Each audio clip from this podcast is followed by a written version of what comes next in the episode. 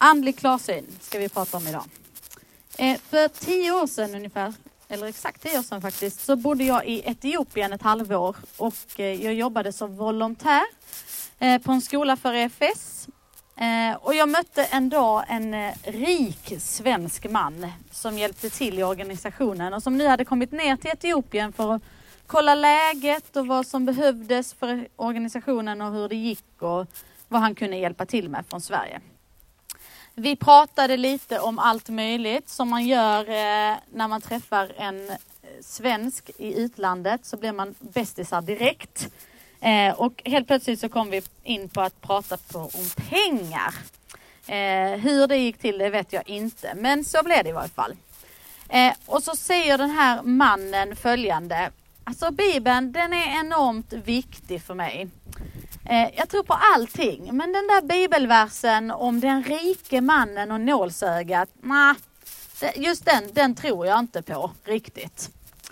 Eh, och bibelversen som han refererar till eh, hittar vi i Matteusevangeliet och där står det att Jesus säger att det är lika lätt för en kamel att komma in i ett nålsöga som för den rike mannen att komma in i himlen. Dagens tema är alltså andlig klarsyn. Hur får jag det då? Och vad menas egentligen med att ha andlig klarsyn? Är det att vi förstår allt i Bibeln? Handlar det om att välja rätt väg som Pernilla pratade om och att aldrig göra några misstag då? Det finns otroligt mycket idag som vill hindra oss från att se klart. Eh, vi har aldrig haft ett större inflöde av eh, nyheter, idéer, Världen procklar på oss ständigt saker som vi ska ta in och ta in och ta in. Ett enormt flöde som vi ska på något sätt försöka bearbeta och helst själv. Vad handlar det då om att ta hjälp av Gud och få den här andliga klarsynen? Kan vi få det? Kan vi se klart i vår tid? Vem ska vi egentligen tro på? Dagens evangelietext finner vi också i Matteus evangeliet och det är Jesus som säger så här. Gå in genom den trånga porten, ty den port är vid och den väg är bred som leder till fördärvet och det är många som går in genom den. Men den port är trång och den väg är smal som leder till livet och det är få som finner den. Jag vet inte hur det är med dig, men jag är tyvärr ingen perfektionist. Eh, det ska helst gå ganska snabbt fram. Eh, och eh, går det att ta någon genväg så gör jag gärna det. Tidigare till exempel i spel fuskar jag gärna. Jag har kommit ifrån det. Jag säger att jag har mognat, men jag vet inte. Men jag gör faktiskt allt för att undvika hinder på vägen. Och jag vill att det ska gå så smidigt som möjligt. Det är i varje fall min ursprungsplan alltid. Snabbt, smidigt, utan hinder. Eh, jag tänker att eh, det är ganska många som tänker som jag. Och det är väl ingen som kanske eh, planerar för hinder längs vägen. Ehm, så. Men ganska sällan så blir det ju precis så som jag har planerat. Eh, det dyker upp saker som gör att jag får ta en omväg både en och två gånger. Men, precis som evangelietexten sa, så är det kanske just på de här omvägarna det är kanske där jag möter den där människan som jag skulle möta. Som jag inte hade mött om jag bara går den breda vanliga vägen. Eller kanske på en annan omväg så får jag den där extra vilan som jag just nu behövde. Jag tänker att det händer någonting om vi inte bara rusar på. Thomas Sjödin har skrivit en bok, Det händer när du vilar. Jag fick den när jag precis hade fått mitt tredje barn. Och jag förstod inte riktigt tanken just då, om jag ska vara helt ärlig. Det händer inte att man vilar med tre barn. Men det är så sant. Det händer något när vi vilar. Jag är övertygad om att Gud inte vill oss något ont. Han vill hjälpa oss längs vägen och försöker hela tiden visa var vi ska gå. Det är bara det att du och jag har så mycket i vägen. Så mycket som tar vår uppmärksamhet.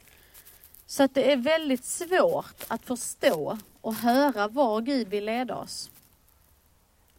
Och om jag redan långt i förväg har bestämt mig för den här motorvägen att bara springa på. Hur ska Gud kunna få plats då när autopiloten är på? Det kanske inte lockar lika mycket att välja den lite längre och trängre vägen. Men det sker en väldigt viktig sak där. Och det är att vi blir beroende av Gud. Gud får verka där och visa oss.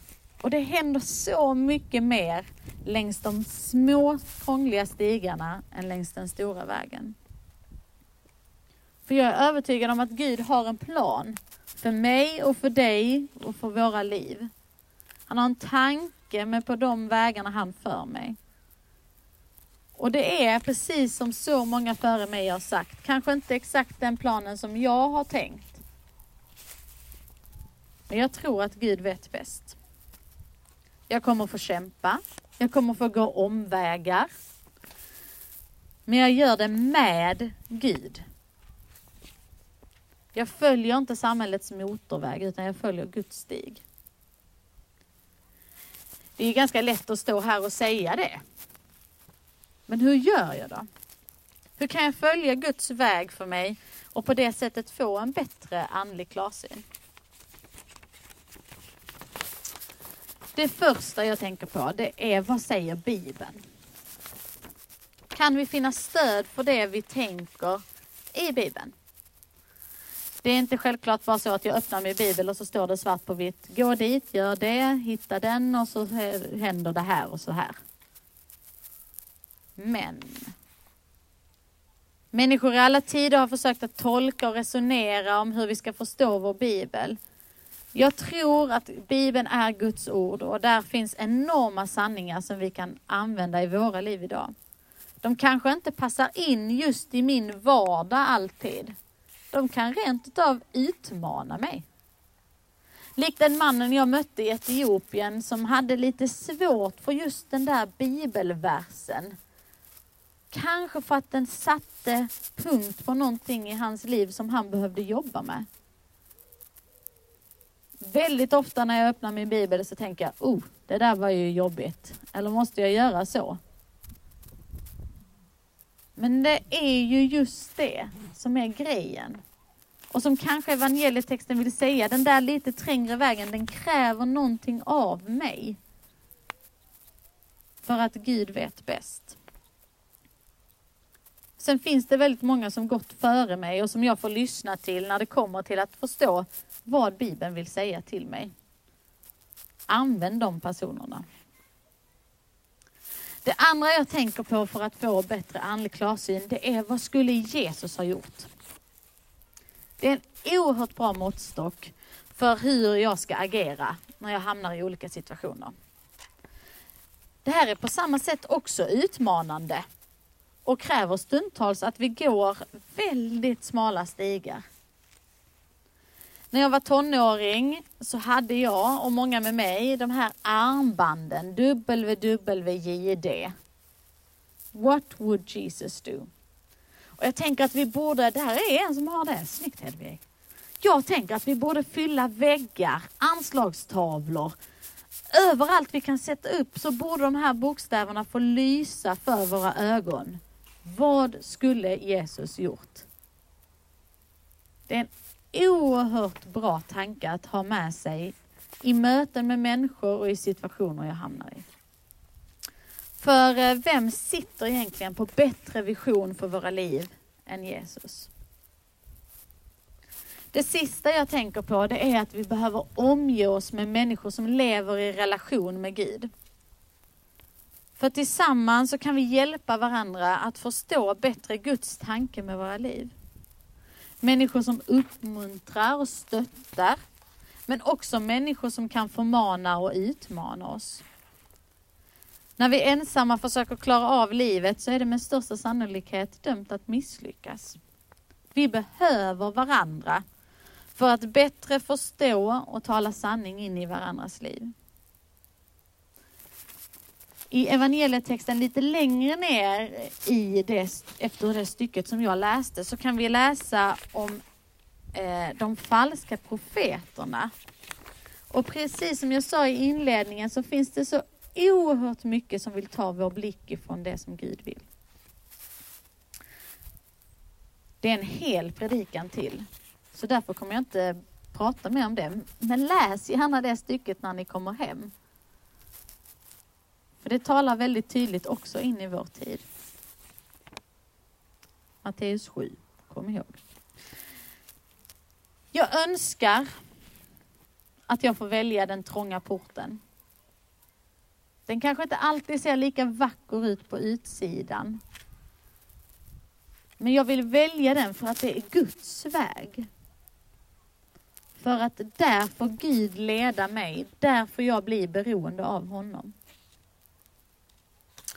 Hedvig läste Saltarsalmen innan. Psalm 119.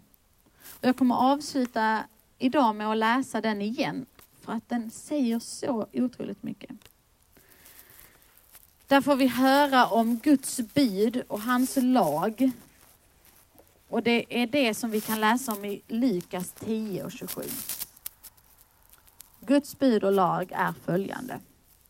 Du ska älska Herren din Gud av hela ditt hjärta, av hela din själ och med hela din kraft och med hela ditt förstånd och din nästa som dig själv. Detta är liksom grunden. Sen får Gud visa oss var vi ska gå med hjälp av detta. Så när ni hör Saltarsalmen här igen, så ha dessa meningar i åtanke. Att älska Gud med hela din kraft och din nästa som dig själv. Sanningens väg har jag valt. Dina lagar har jag för ögonen. Jag håller mig till dina lagbud. Svik mig inte, o Herre. Jag löper den väg dina bud visar, ty du har vidgat min insikt. Visa mig, Herre, dina stadgars väg och jag ska följa den till slutet. Ge mig förstånd att lyda din lag, att hålla den helt och fullt. Led min vandring efter dina bud, den stigen går jag med glädje. Gud vill ha ditt hjärta och sen kommer fantastiska saker att få hända. Ska vi be? Tack Gud för den här dagen. Tack för att vi får fira gudstjänst tillsammans. Gud, jag ber nu att det som du vill säga till oss genom de här orden, att det får landa och att vi får ta emot det. Jesus, det är så mycket som vill dölja din väg idag. Det är många som vill visa oss åt andra håll. Hjälp oss att stanna på din väg. Att våga gå igenom din port där du har så oerhört mycket för oss. Och tack Gud för att det du kräver av oss är vårt hjärta. Och sen får du leda oss vidare. Hjälp oss att se våra medmänniskor, att älska vår nästa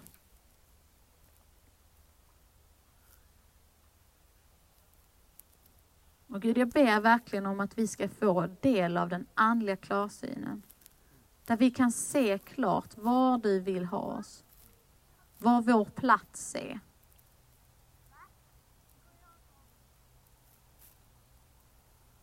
Kom med din frid i våra liv. I Jesu namn. Amen.